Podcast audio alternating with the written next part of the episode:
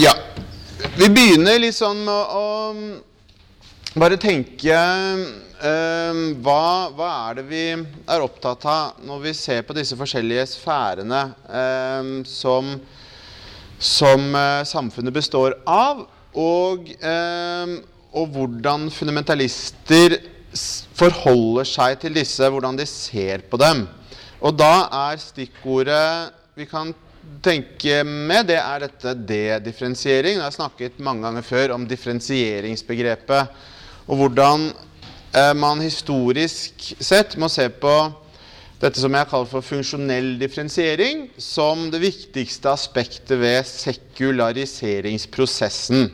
Det tror jeg dere har fått eh, med dere nå.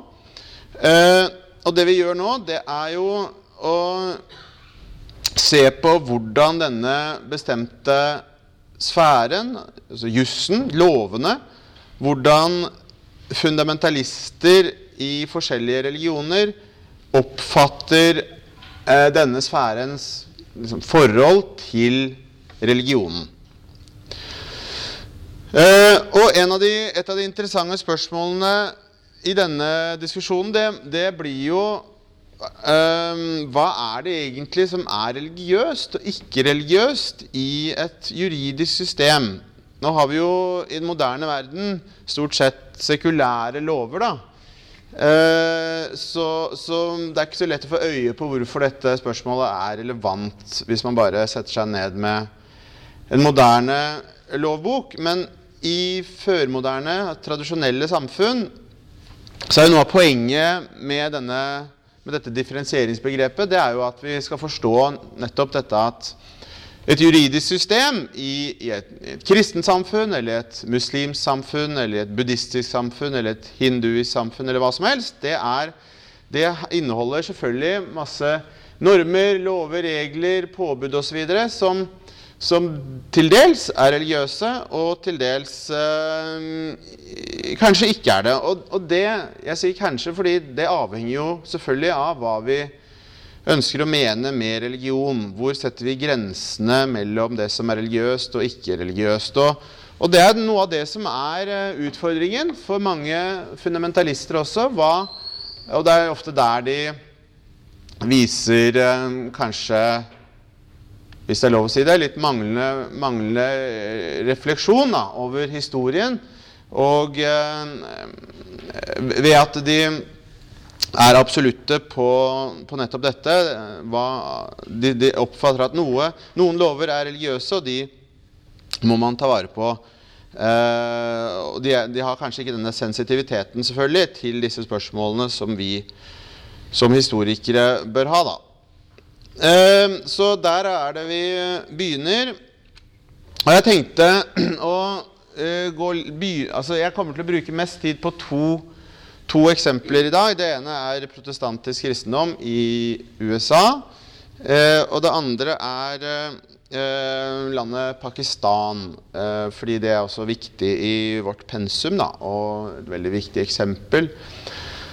Eh, Så kommer jeg litt inn hvis jeg får tid, på hinduisme, buddhistiske samfunn på slutten av forelesningen. Men jeg begynner altså med protestantisk eh, kristendom, protestantisk fundamentalisme i USA. Og Da har jeg lyst til å begynne å snakke litt om teologi. Eh, og spesielt nevne noe som jeg har vært inne på før. Og det er det som handler om det teologiske grunnlaget for politisk engasjement i moderne protestantisme, spesielt moderne protestantisk fundamentalisme. Og da har dere eh, sett i pensum at eh, vi snakker om eh, premillenniarisme og postmillenniarisme. Jeg nevnte det også i en tidligere forelesning. Eh, og så skal jeg si litt om, om hva endringer i denne type teologiske syn kan bety for politisk engasjement. Eh, og spesielt så har jeg lyst til å nevne dette, dette begrepet dispensationalism, som er litt vanskelig å få Syns jeg i hvert fall. Litt vanskelig å, å spikre fast med norske ord. Fordi det er veldig knyttet til en engelskspråklig protestantisk teologisk tradisjon. Men poenget her er at i den perioden som vi er opptatt av, fra midten av 1800-tallet, så oppstår det da i eh, moderne protestantisk teologi denne ideen om at Gud har delt historien inn i eh, avgrensede perioder. En periodeinndeling av menneskets historie.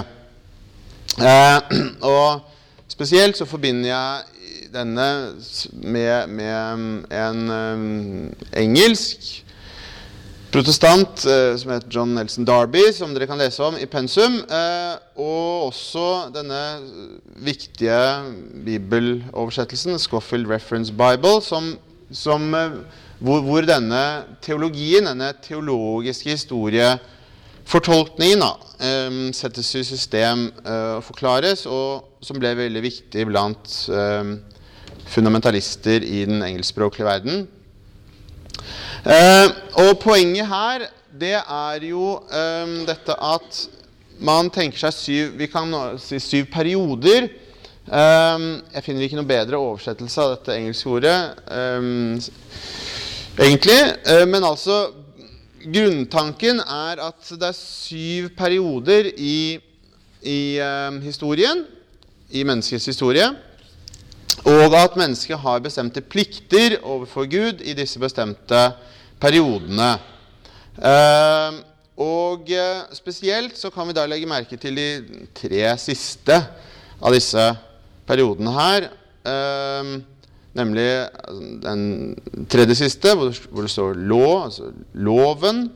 En periode som strekker seg fra Moses til, til, til Jesus, hvor Eh, det er loven, eh, og selvfølgelig de gammeltestamentlige lovene, øye for øye, tann for tann osv., som eh, er menneskets primære plikt da, i forhold til Gud. Men en typisk tanke blant kristne er jo at denne måten å forholde seg til Gud på ble avløst ved Det nye testamentet, ved Jesus Kristus av en helt ny, eh, ny måte å forholde seg til Gud på. Eh, hvor, hvor, det er, uh, hvor det er tro og ikke, ikke lovene som gjelder lenger. Og det er den perioden man er i fram til tusenårsriket kommer og avslutter historien. da. Jeg, eh, skal, jeg, kommer litt tilbake til dette her uh, fordi jeg skal snakke om disse, uh, denne bevegelsen i amerikansk fundamentalisme som heter reconstructionism. Jeg kommer straks til det. Men først så skal jeg si litt om, om det vi kaller den andre bølge i amerikansk fundamentalisme, som begynte på 70-tallet. Og den begynner i, i ganske det er, det, det er, ganske rimelig å si at den begynner med denne berømte rettssaken eh, eller, rettssaken, eller saken i Høyesterett, avgjørelsen som ble tatt i amerikansk høyesterett i 1973 angående abort, som jeg beskriver eh, nærmere i pensum. Men det, det, er denne saken da eh, som er kjent som Roe mot Wade, hvor eh, amerikansk høyesterett avgjorde at eh, retten til abort er beskyttet eh, eh av, av, Grunnloven. Eh, og det, denne saken, denne avgjørelsen, fikk jo da veldig kraftige reaksjoner i fundamentalistiske grupper. Uh, og spesielt så eh, Hvis man leser bøkene til eh, Jerry Falwell, veldig veldig sentral person i denne andre bølgen av amerikansk fundamentalisme, så sier jo han at mye av hans politiske engasjement ble vekket av denne avgjørelsen, og mye av motivasjonen bak bak denne store bevegelsen, The Moral Majority, eh, lå jo i nettopp dette, denne eh, høyesterettsavgjørelsen. Eh, og dette er bare for, å, bare for å nevne, som dere også selvfølgelig ser i pensum, at mye av det politiske engasjementet som, eh, moderne, altså som amerikanske fundamentalister står for, det har jo sitt utgangspunkt i den juridiske sfære, altså i lover, i avgjørelser i amerikanske domstoler, eh, som skaper reaksjoner, og som skaper også engasjement for å, for å omgjøre disse eh, avgjørelsene eh, og påvirke det juridiske systemet. Annen viktig, et annet viktig eksempel på den type engasjement det er jo Pat Robertsons uh, Christian Coalition. En bred bevegelse som ble grunnlagt i, i uh, ja, 1988-89 etter at Robertson forsøkte å bli eh, det republikanske partiets presidentkandidat til valget i 1988, når han ikke greide. Men han brukte, brukte, mye av det engasjementet som han skapte i fundamentalistiske miljøer i USA, til å, til å skape denne, denne organisasjonen, da, The Christian Coalition. Han har skapt mange andre organisasjoner òg. En ekstremt aktiv person. Eh, og eh, har hatt veldig stor innflytelse på eh, på amerikansk fundamentalisme, ikke minst gjennom sin, sitt arbeid som TV-predikant. Så, eh, men da eh, skal jeg litt tilbake til, eh, til, dette som jeg sa om dispensationalism og eh, eh, dette med millenniarismen eh, og det teologiske grunnlaget for politisk aktivitet i den amerikanske fundamentalismen.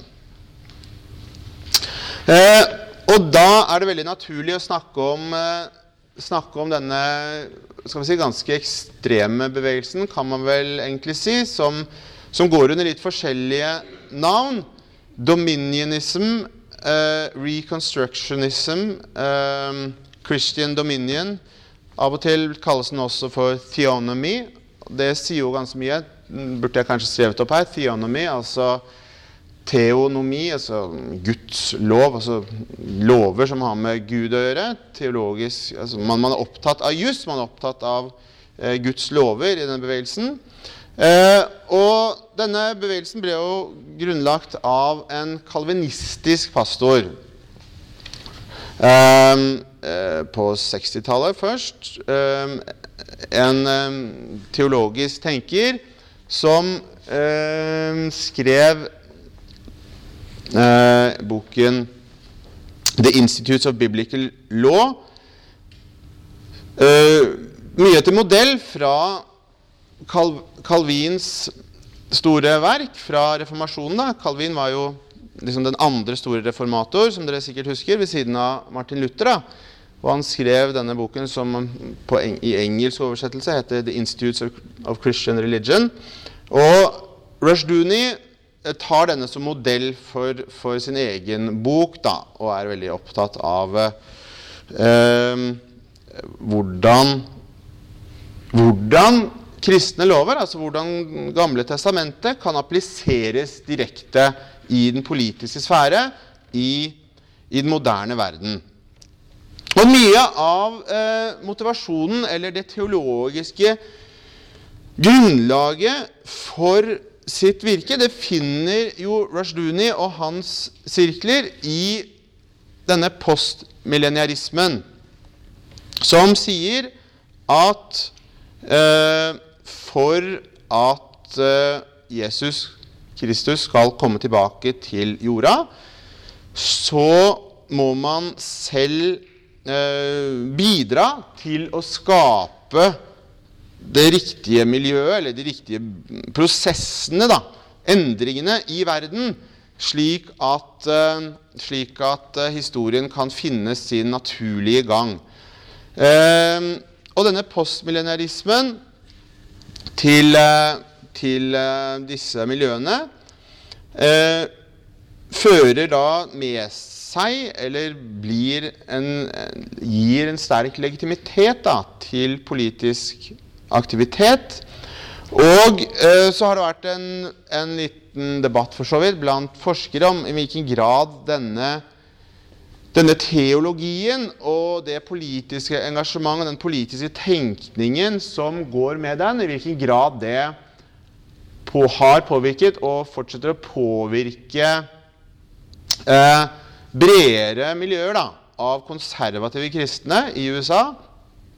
Eh, og spesielt fundamentalister. Det må jo sies at den type personer som Rush Dooney og hans altså reconstructionist-tenkere eh, de oppfatter ordet fundamentalisme ikke som noe som passer på seg selv. Husk på at mange av de Eh, mange av de som vi kaller fundamentalister i USA, de, de er jo eh, for så vidt veldig fornøyd med det ordet. Det, det, hed, det, begynner som en hedersbetegnelse, som dere sikkert har forstått nå, bl.a. av eh, Som jeg skriver litt om i den boken eh, 'Hva er fundamentalisme?' Den begynner jo på begynnelsen av 1900-tallet som en, som en selv, eh, selv, altså beskrivelse av, av miljøer eh, som, som, forklarer hva, hva, de mener er fundament, fundamentet for, for, den kristne religion. Eh, og, og, mye av utgangspunktet finner vi jo i disse Som jeg har nevnt flere ganger, finner vi i disse eh, artiklene som er samlet i i um, The Fundamentals, altså disse tidsskriftene som er utgitt som bøker.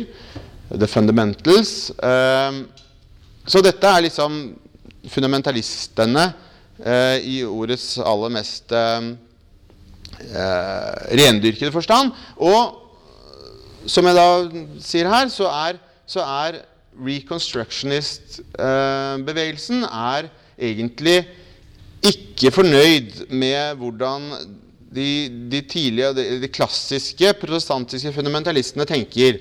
Um, um, på, av, av, flere grunner. Men det jeg begynte med å spørre om, er hvilket, hvilket, gjennomslag denne type tenkning har. Og der er det at en del forskere i hvert fall har ment at uh, denne måten å tenke teologi og politikk på har fått mer og mer gjennomslag i deler av, av det ekstreme ekstremt konservative protestantiske miljøene i USA. Og kanskje det, det, mest radikale utslaget det er jo det vi kaller The Christian Identity Movement.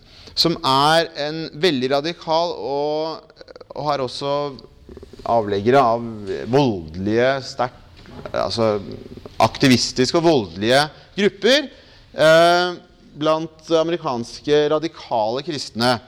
Som ser ut, ganske klart ut til å være påvirket av denne typer ideer som uh, reconstructionist-bevegelsen uh, står for. De er veldig mot staten på alle områder. De er veldig mot statlig innblanding, spesielt kanskje i økonomi og utdanning. Og det skal vi komme tilbake til i senere forelesninger. fordi jeg kommer til å, I forelesninger fram, framover nå så kommer jeg til å ta for meg litt ett og ett av disse undersystemene og, som dere har skjønt, og se på hvordan fundamentalister tenker om dem. I dag, i dag er det jus, og så skal vi se på utdanning, økonomi osv. Vitenskap. Og eh, det vi kan si, er jo at eh, disse reconstructionists de er jo veldig mot statlig innblanding på alle områder. Det er veldig interessant å lese deres, eh, deres eh, bøker og artikler om det, hvorfor de er imot det. Og det er jo selvfølgelig teologisk begrunnet. Eh, så, og nå, når vi snakker om jussen, da, så er jo hovedpoenget selvfølgelig til reconstructionist-bevegelsen det er jo at eh, Bibelen er eh, en lovbok. Det gamle testamentet er en lovbok.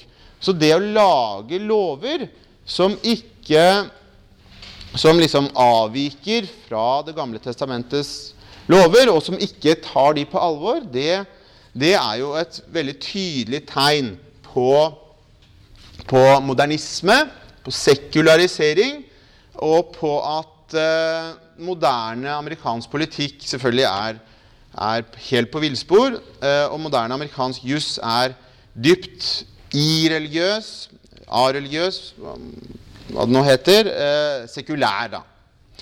Eh, og um, det er skrevet veldig interessante ting av, av disse tenkerne, teologene, om dette her. Hvor man bl.a. Uh, uh, påpeker at Bibelen, eller Det gamle testamentet, uh, foreskriver dødsstraff for en rekke forbrytelser som, som da man finner i, i Mosebøkene. Homoseksualitet, f.eks. Eh, blasfemi. Den type ting. Så noe av eh, arbeidet til de mest ekstreme i denne bevegelsen, det er jo eh, å forsøke å, eh, å, få samfunnet til å forstå hvilke forbrytelser dette er i forhold til Det gamle testamentet, og ta de, den straffetenkningen som eksisterer i Det gamle testamentet, på alvor. Og uten sammenligning for øvrig så nevner jeg også her da at Kristen Samlingsparti i Norge vil ha Bibelen som grunnlag for lover, uten at de selvfølgelig noensinne har gått inn for den type straffetenkning ja, som, som, er her. Men dette beskrives også litt nærmere i pensum.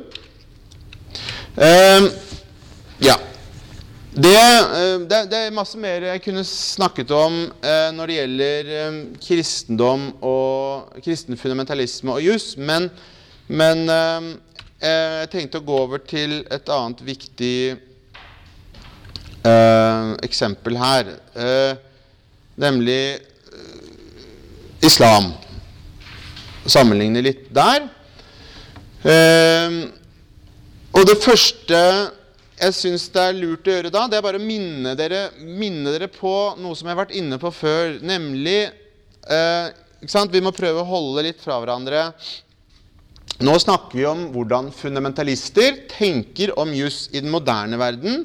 Og da er det veldig greit å bare huske litt på hvordan ting var før den moderne verden, for å si det veldig forenklet. da. Førmoderne og moderne, det er veldig store og grove kategorier, som dere selvfølgelig har skjønt.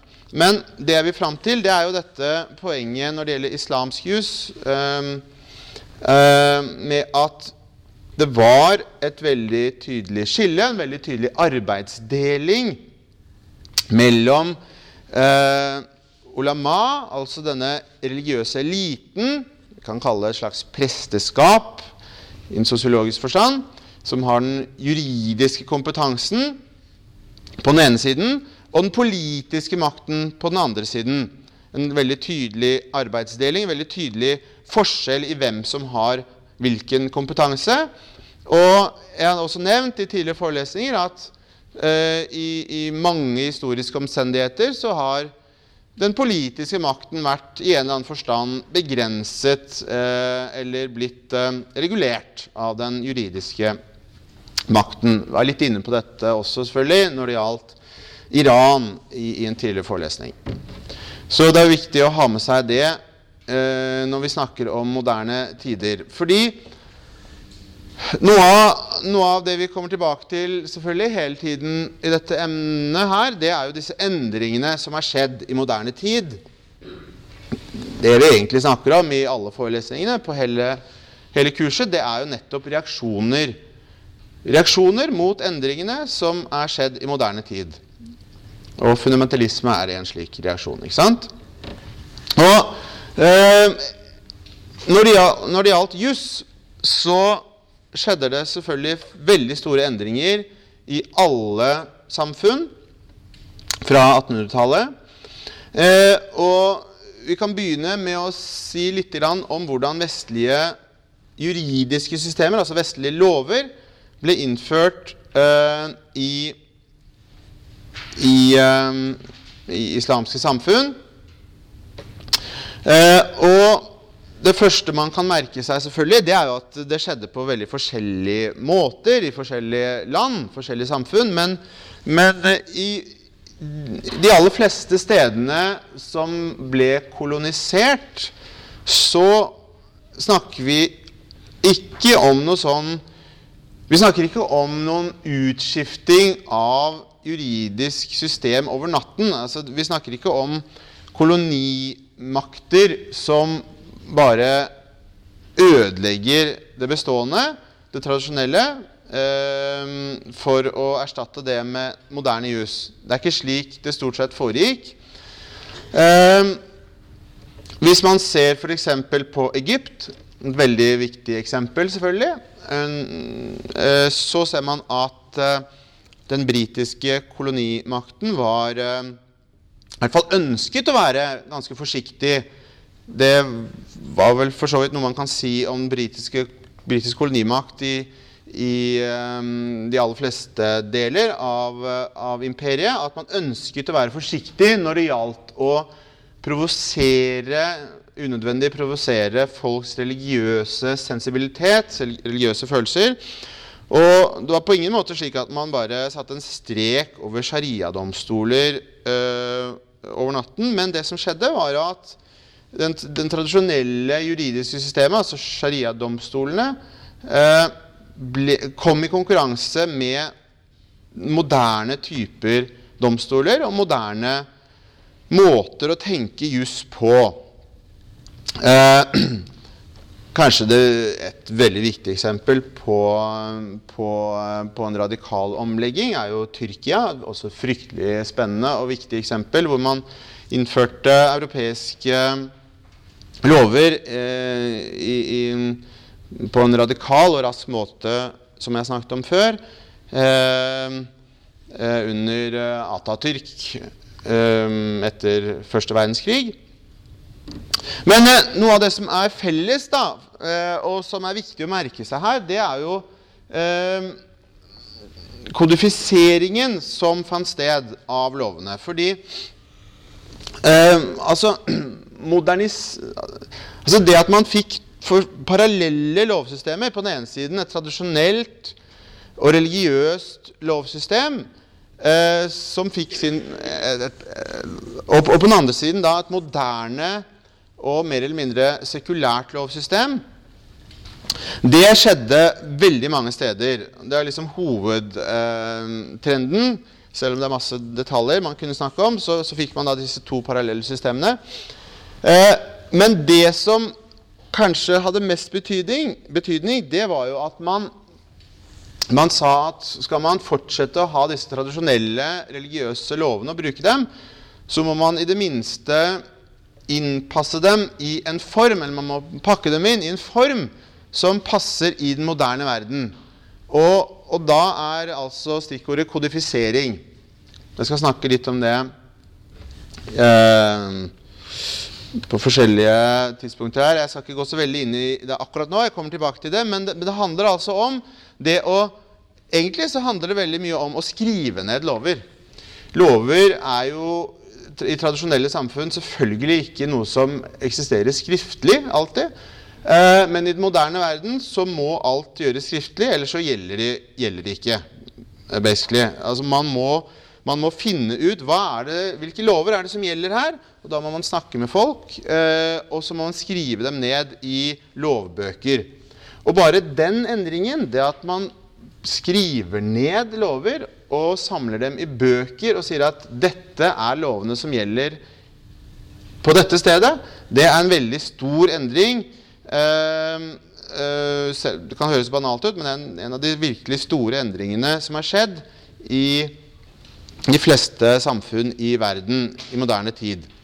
Og selvfølgelig har fått uh, veldig stor betydning for hvordan religiøse ledere har eh, interagert med det juridiske systemet, eller hvilken plass de har hatt da, i, i jussen.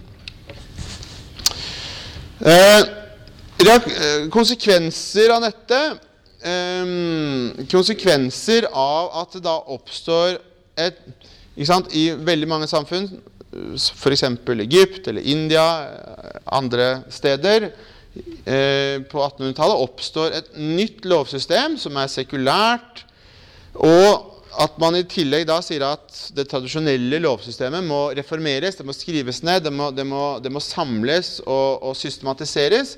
Konsekvenser av dette det er jo litt tilbake til det jeg snakket om før, nemlig denne marginaliseringen av presteklassene. I islamske samfunn, som jeg nå snakker om, så snakker vi da altså om denne klassen som vi kaller for ulama, som eh, da eh, gradvis ble marginalisert på 1800-tallet fordi den moderne staten ikke nødvendigvis liksom eh, bestemmer seg for å marginalisere men det skjer så store og viktige prosesser at de mister sine roller. Eh, og så kan man få mange forskjellige typer reaksjoner på det, som jeg har snakket om. En, en reaksjon som kom f.eks. i Midtøsten, bl.a. Egypt, var jo denne reaksjonen vi kan kalle nytradisjonalisme, nemlig at denne klassen selv sier at nå må vi forsøke å ta igjen. Vi må ta igjen Vi, vi er i ferd med å bli marginalisert. Vi må, vi må oppdatere oss og, og, og, få en ny og, og viktigere rolle i samfunnet. Og ikke minst eh, som eh, juridiske eksperter. Altså et forsøk på å gjenreise den rollen som ulama har hatt. da. Eh, en, en, en, annen reaksjon, en på mange måter en motsatt reaksjon, som vi snakker om her, det er jo fundamental, fundamentalismen, som, si, som, sier at Og denne presseklassen eh, er egentlig eh, akterutseilt og har ikke lenger noen rolle. Så vi trenger en ny type ny klasse, en ny gruppe mennesker som egentlig kan ta over den, eh, den rollen som de har hatt før, eh, på nye måter. Bare for å minne dere om dette her. Og så, for å vekke dere eh, Etter så mye skrift og så mange ord, så kan vi stille et lite spørsmål, eh, nemlig om det er noen som kjenner igjen hvem dette er. Er det noen som klarer det? Ja, det er riktig. Det er dronning Victoria. Er det noen som husker omtrent når hun var dronning? Døde hun ikke i 1903 eller noe sånt? Var det stort sett? Jo, rundt der, ja. Helt begynnelsen av 1900-tallet. Riktig. Ja. Ja. I hvert fall fra 1850 utover dronning. ja, det er riktig. Hele andre halvdel av 1800-tallet var hun dronning. Helt riktig. Helt sånn røftlig 1858 til 1900 omtrent. da. Eh, Pluss minus et år. Et eller annet sånt. Så det er helt riktig. Veldig bra svar. Dronning Victoria. Og her et, et, et, eh, interessant sitat, syns jeg, av Victoria. Hvor hun sier at eh, Hun sier dette i 1858, kroning, ved sin kroning. Eh, Hun sier at eh, Ja, dere kan lese selv.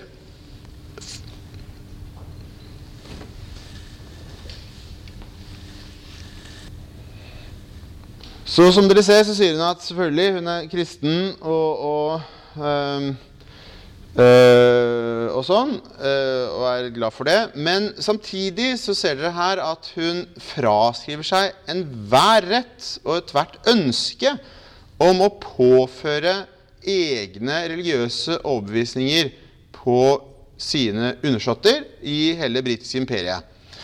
Så litt som det jeg snakket om i stad, at man, man ønsket ikke altså Det er veldig feil å tro at kolon, kolonisering, kolonialisme, bare handlet om denne civilizing mission, som mange snakker om. Det handler selvfølgelig om det òg, men det handlet ikke bare om å gjøre folk kristne. I hvert fall ikke fra statens side. Fra misjonærenes side så gjorde det selvfølgelig det, men de hadde ofte et ambivalent forhold til staten, som vi har snakket om. Så, så dette kan på mange måter kalles en slags uh, sekularisme, kanskje.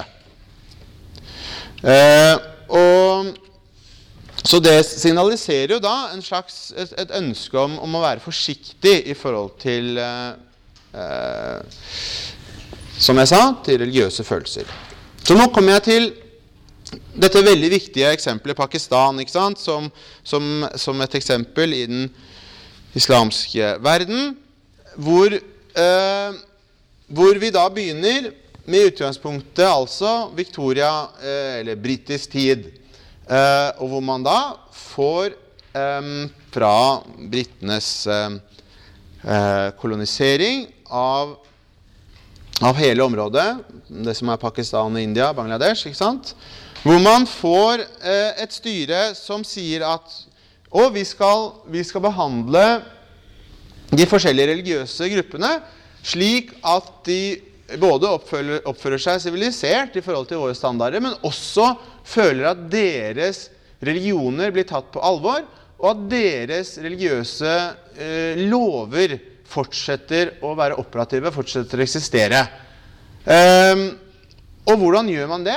Det er veldig vanskelig, men det første man selvfølgelig må gi avkall på, det er, det er alle illusjoner om at man kan ha et enhetlig juridisk system for alle de forskjellige gruppene i et så svært område som hele Sør-Asia, som vi snakker om her.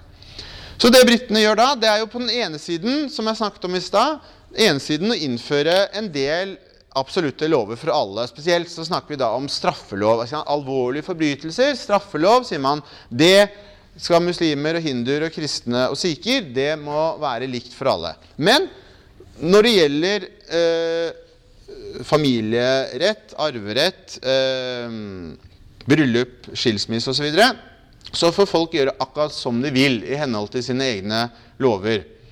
Eh, og da får man det, det, som man kaller for anglo-muslim law, eller på veldig gammeldags anglo-mohammedan law, eh, som blir eh, et slags sant, Som jeg snakket om i stad, et kodifisert, nedskrevet eh, form for eh, islamsk juss som skal fungere for da muslimer i britisk India.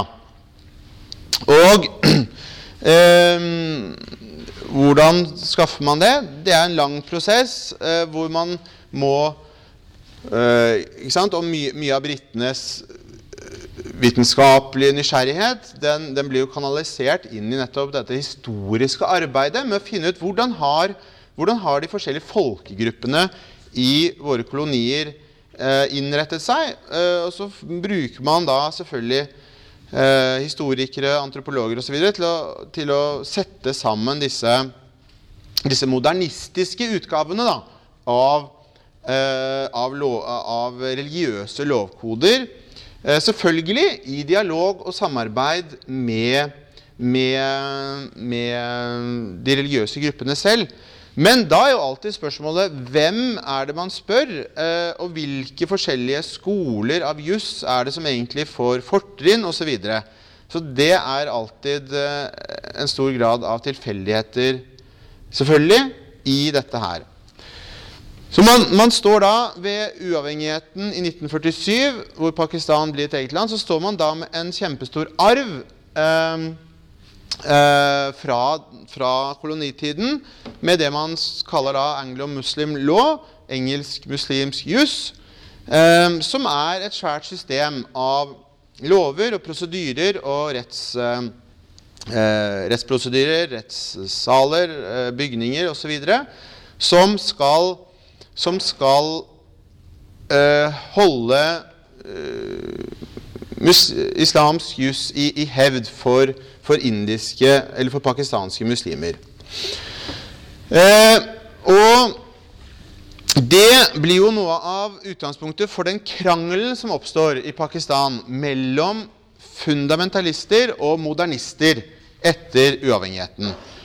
Og den, den konflikten er jo veldig viktig. Noe av det egentlig på, på mange måter noe av det viktigste konflikten i, i uh, i, uh, som, vi, som, vi, kan studere når vi ser på fundamentalisme i, uh, i, våre dager, det er nettopp konflikten i Pakistan mellom, mellom de som på den ene siden arbeider for en sekulær stat, hvor man har bruker det man ser på som det beste fra britisk tid, eh, og bygger videre, lager et sekulært juridisk system, og for så vidt politisk system, da, for Pakistan. På den andre siden eh, de som sier at dette er ikke godt nok. Vi må sette en strek over hele denne koloniarven og gå tilbake til sharia. Og blant dem så er jo eh, den personen som vi har ganske mye om på pensum, nemlig Maulana Maududi. Eh, og jeg bare skriver navnet hans på to måter her for, for å si at det er litt forskjellige skrivemåter. Velg dere en skrivemåte, og ikke vær opptatt av hvorfor det skrives på forskjellige måter. Jeg eh, skriver han som regel med U, da. Maud- Maududi. Eh, poenget er at Maududi er liksom den, den store talsmann for, eh, for islamsk fundamentalisme i Pakistan. Fra 1947 så er han da eh, den som virkelig kanalis kanaliserer og, og eh, liksom formulerer motstanden mot det store sekulære prosjektet som, som Pakistan er for en del, for en del eh, politikere og, eh, og eh, eliter. Eh, og vi skal se litt på hva, hva han tenker om dette her. Eh, for det er jo veldig veldig viktig for emnet vårt, hva Maududi, Ma, Ma, Ma, Maududi tenker om, om forholdet mellom religion og juss. Og Først og fremst så er jo eh, som sagt altså sharia et stikkord for Maududi.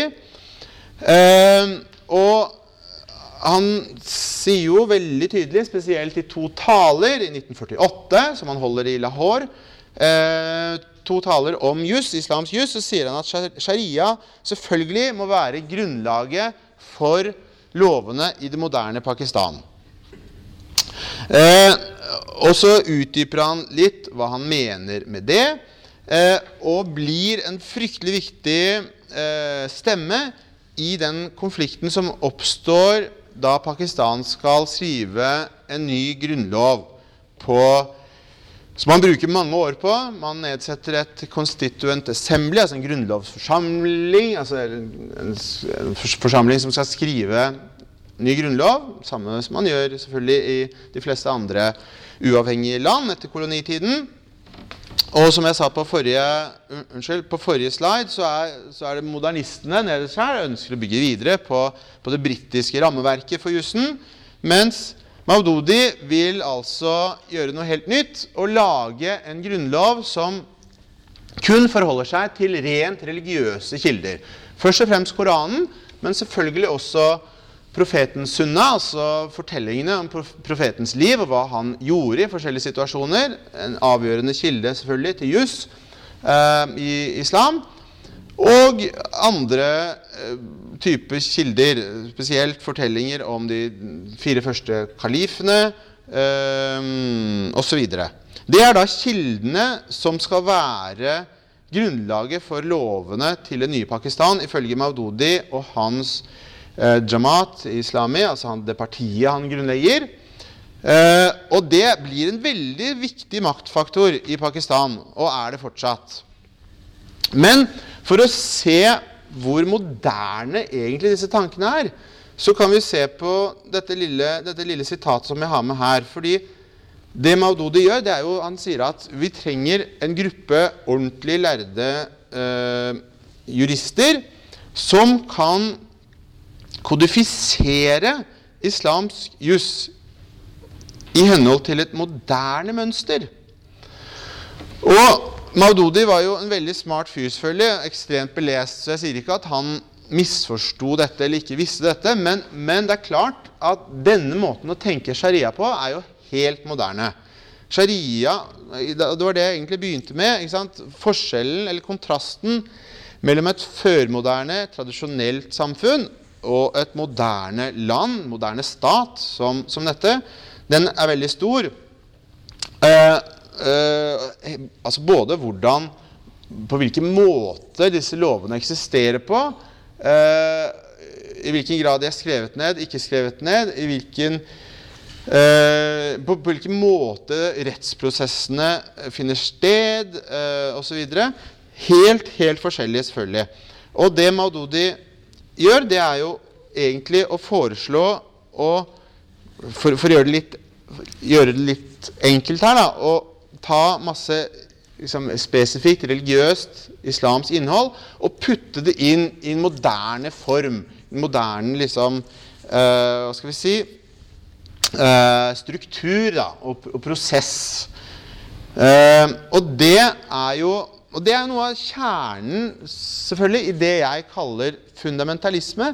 Det at man gjør det. Det at man mer eller mindre bevisst eh, ser at moderne verden selvfølgelig er kommet for å bli med sine veldig kraftige strukturer, eh, byråkrati, staten selvfølgelig som, som, som fryktelig viktig, eh, men, men, at man ønsker å putte religiøst innhold inn i, inn i disse strukturene.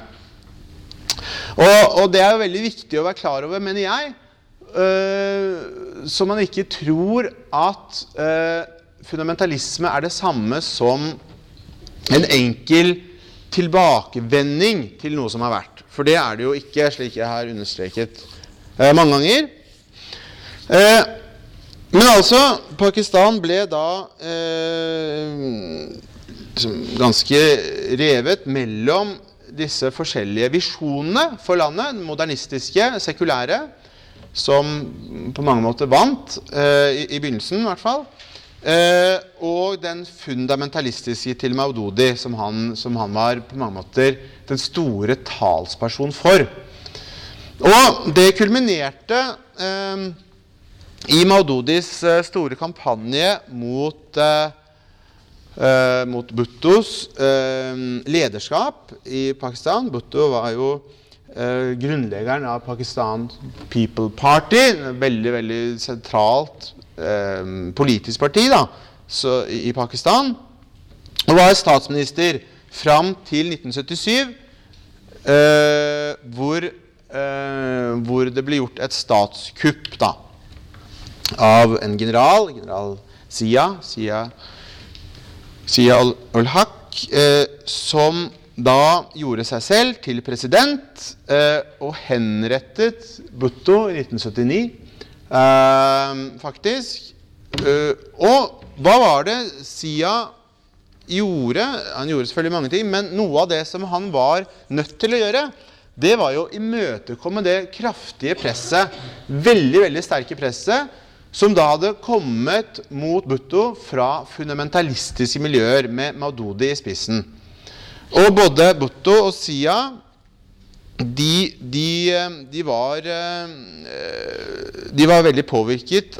Altså, Bhutto var sekulær, så han var ikke, han, han var ikke en som lot seg diktere av Maududi, men, men han måtte reagere mot Maududi. Og Sia måtte også ta hensyn til de veldig kraftige eh, miljøene som Avdodi ledet, som, var, eh, som, ønsket en islamisering av landet. Og det, det eh, forsøkte da også Sia å gjennomføre eh, i sin periode som president fram til 1988. Dette var jo en veldig sånn formativ periode da, i mange deler av den uh, islamske verden. Uh, vi snakket om den iranske revolusjon 1979 som selvfølgelig var enormt viktig for hvordan Pakistan oppfattet eh, islam og politikk. Eh, og eh, Sovjets innmarsj i Afghanistan, som, eh, som liksom var aksentuerte mye av liksom, imperialismen fra, fra sovjetkommunismen, og, og, selvfølgelig virkelig var eh, på mange måter et høydepunkt da, i den kalde krigen mellom USA og, og Sovjet. Så, så, dette var en veldig formativ periode. Og Sia sin løsning det var å, var å forsøke å islam, islamisere Pakistan. Og jeg tror mange forskere og moderne observatører vil være enige i at mye av Pakistans problemer oppsto eh, i denne perioden eh, med, med Sia.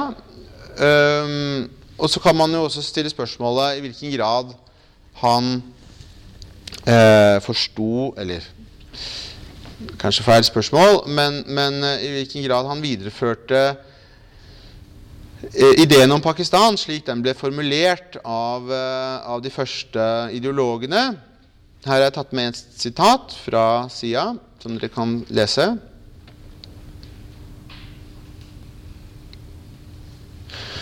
Så Han var veldig tydelig på at de første politiske lederne av Pakistan ikke hadde vært eh, religiøse nok, eh, og at de måtte ta en mer religiøs vei for å oppfylle visjonen om Pakistan som et eh, land for eh, muslimer, eller, for, som et islamsk land. Men det det kan man jo stille spørsmålstegn ved, som sagt, fordi Mohammed Ali Jinnah han så jo for seg eh, Pakistan som selvfølgelig et land for muslimer, men ikke som ikke som, ikke som en islamistisk stat, ikke som en islamisert stat. Han så for seg Pakistan eh, som en stat som behandlet religioner likt, eh, og, som, eh, og som da i bunn og grunn hadde et sekulært rammeverk for politikken og for jussen. Skal vi se eh, Jeg skal Jeg ser at selvfølgelig jeg tatt eh, med kanskje litt for mye, men helt, eh, for å gjøre det litt kort, så, så, så innførte jo SIA en rekke juridiske reformer som skulle som skulle eh, gjøre Pakistan til et mer islamsk land og et mer islamsk samfunn. Eh, eh, og først og fremst så lagde han et system med en sharia-domstol som skulle på en måte stå over det vanlige juridiske systemet og ha makt til å endre lover som ikke ble oppfattet å være i overensstemmelse med sharia. Så det var en viktig juridisk reform. Eh, jeg sa i stad at noe av den viktigste skillelinjen i eh, Når vi tenker på islam i den moder- is, islams juss i den moderne verden, det er jo skillelinjen mellom på den ene siden familieretten, privatretten, og på den andre siden strafferetten og alle de andre eh, områdene på den andre siden.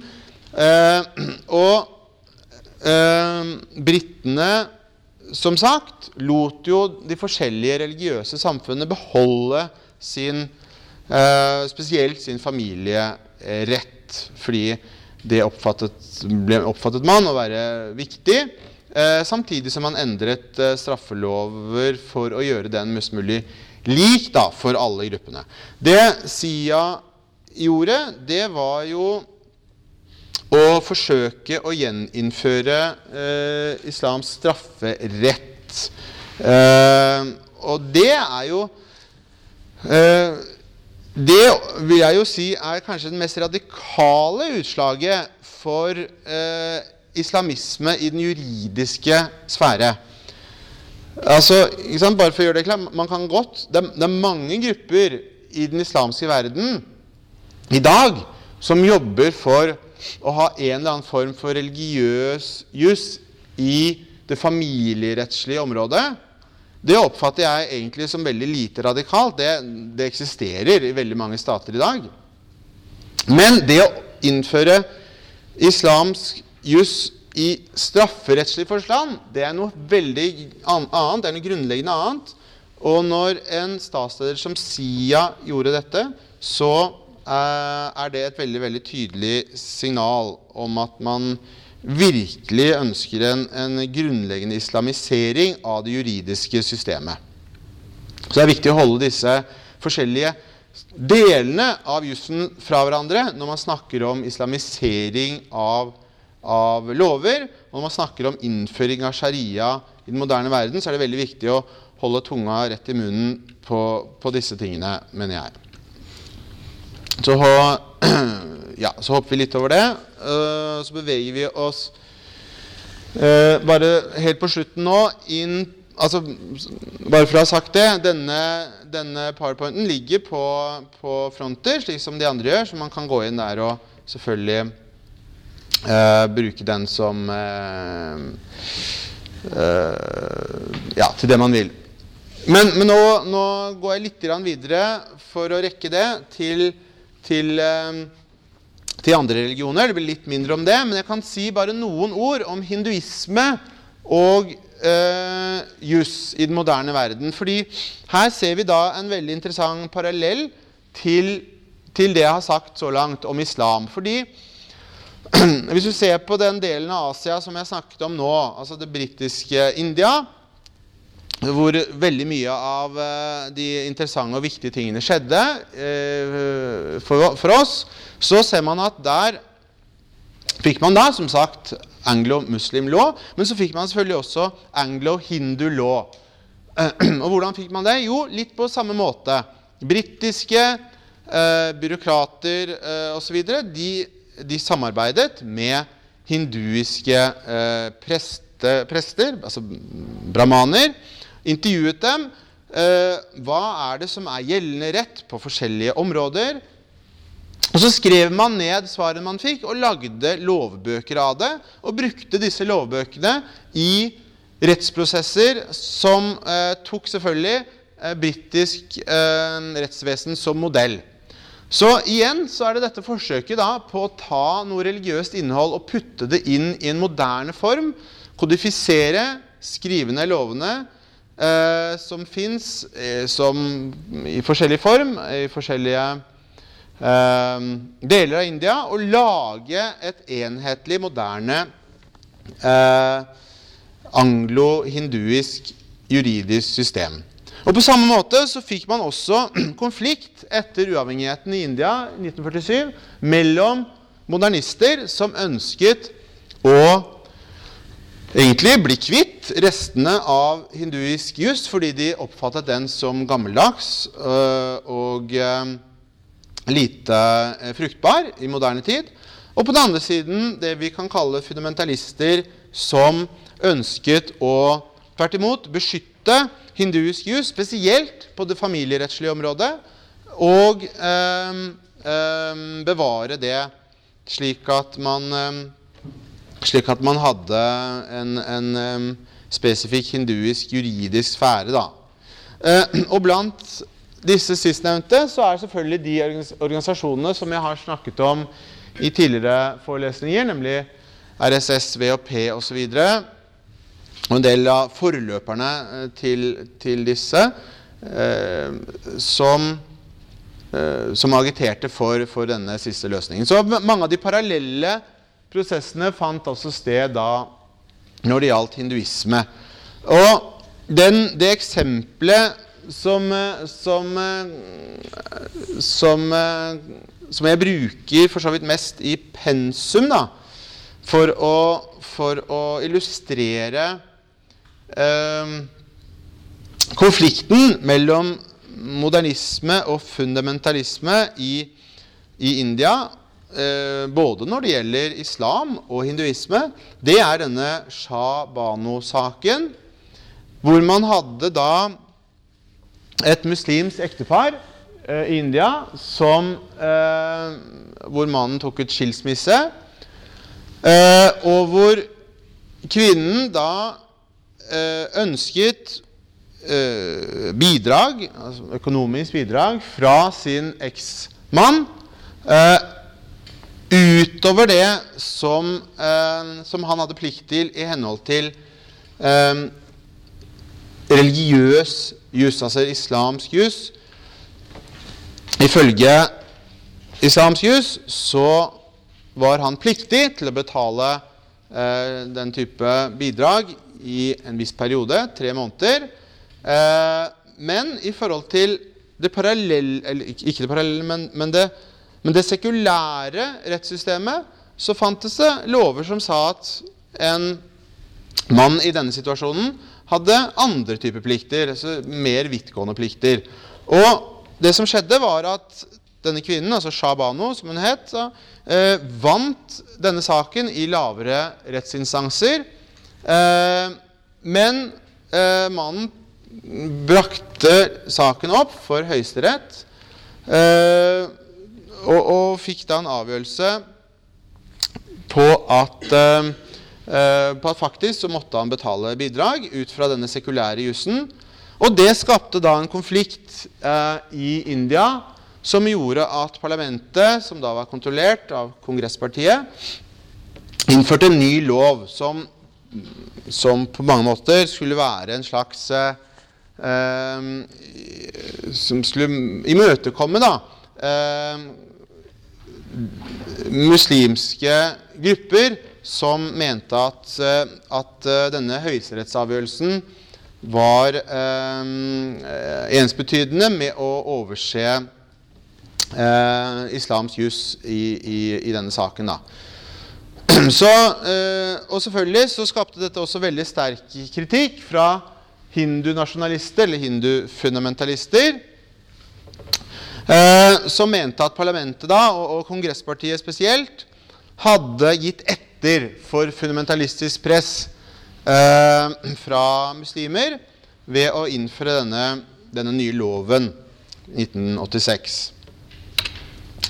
Og mye av bråket her handler jo om denne, dette, snakker, dette, store prinsippet som jeg snakker om. dette Ideen om at en moderne stat skal ha en enhetlig lovkode for alle personer. Og det er jo en tanke som vi er veldig vant til å, å, å, å tenke på som naturlig. At har man en moderne stat, så skal alle personer behandles likt eh, i henhold til loven. Men igjen, dette er en veldig moderne tanke.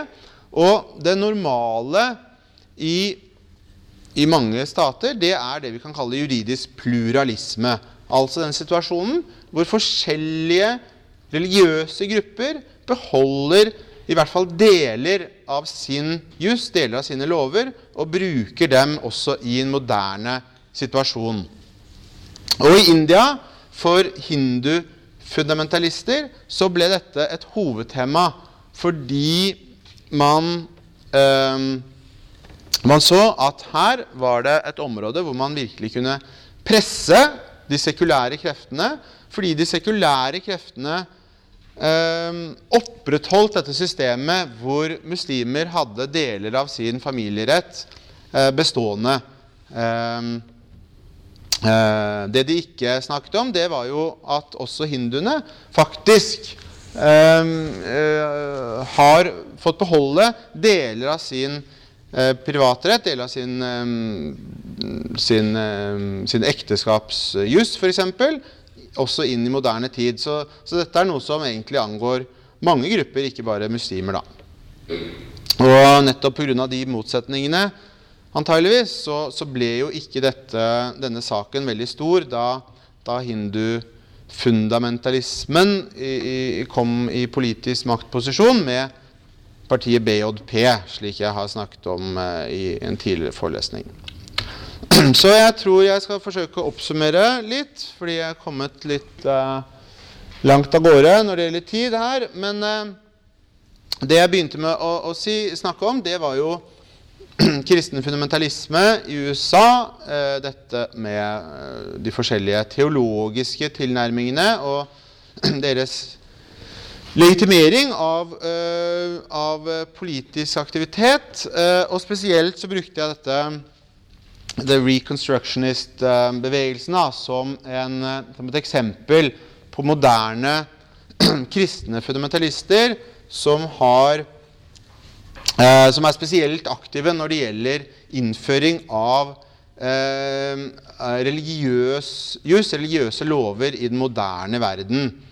Eh, og når det gjaldt eh, situasjonen utenfor den vestlige verden, så, så, forsøkte jeg å peke på at det er en del fellestrekk, enten vi snakker om islam eller hinduisme eller buddhisme, som jeg ikke har gått inn på her, og noe av fellestrekkene det er jo nettopp dette som jeg, som jeg nevnte mm, ved at man har, har hatt da tradisjonelle juridiske systemer, til dels religiøse, ikke sant? Uh, men da fikk moderne, sekulære uh, systemer parallelt med disse, som da gradvis i forskjellig hastighet utkonkurrerte de religiøse juridiske systemene. Men så har man rester av disse religiøse lovene. Man har rester av disse religiøse juridiske systemene i mange stater i dag. Eh, på det, på det familie, spesielt på det familierettslige og av og til også på det økonomiske området. Men veldig sjelden eh, selvfølgelig i strafferetten. Det er svært sjelden. Eh, men, men, det er noe av fellestrekkene, enten vi ser på islam, hinduisme, buddhisme osv. Uh, og der er det at mange av, av, eh, av liksom konfliktene da, mellom modernisme og fundamentalisme egentlig har oppstått i den moderne verden. eh, og fortsetter egentlig å, å oppstå eh, i dag også. Og det, det ser vi Et veldig spennende eksempel er jo hva som nå kommer til å skje eh, i, i araberlandene som har gjennomgått eh, som har gjennomgått store politiske reformer, slik som Egypt, og Tunisia og, og, og, kanskje etter hvert andre land. Hva som kommer til å skje der med synet på, på forholdet mellom, mellom eh, den religiøse, eh, juridiske sfære på visse eh, felt av, av jussen, og, og, og, eh, og moderne juridisk tenkning. da. Eh, og selvfølgelig kan man finne lignende debatter i, i veldig mange andre land, ikke, bare i, i, i, muslimske land. Da. Så det, eh, det var for så vidt stort sett det jeg hadde tenkt å si i dag. Eh, er det noen spørsmål? Var det noe som var uklart? Jeg gikk kanskje litt fort igjennom dette med hinduisme og sånn på slutten, men jeg fikk litt lite tid. Eh, kan gjerne ta noen oppklaringsspørsmål om det.